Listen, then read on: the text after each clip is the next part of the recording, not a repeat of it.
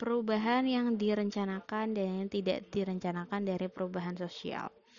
Mengapa pembangunan jalan dikategorikan dalam perubahan sosial budaya yang direncanakan? Perubahan yang direncanakan atau plan change merupakan perubahan yang memang diinginkan dan dikehendaki oleh masyarakat atau pihak yang menginginkan perubahan. Pembangunan dapat dikatakan sebagai contoh perubahan sosial yang dikehendaki atau direncanakan. Salah satunya adalah pembangunan yang dilakukan di Indonesia, adalah pembangunan jalan. Kondisi di jalan Indonesia berbeda-beda. Terdapat jalan sudah tertata dengan baik, misalnya beraspal mulus.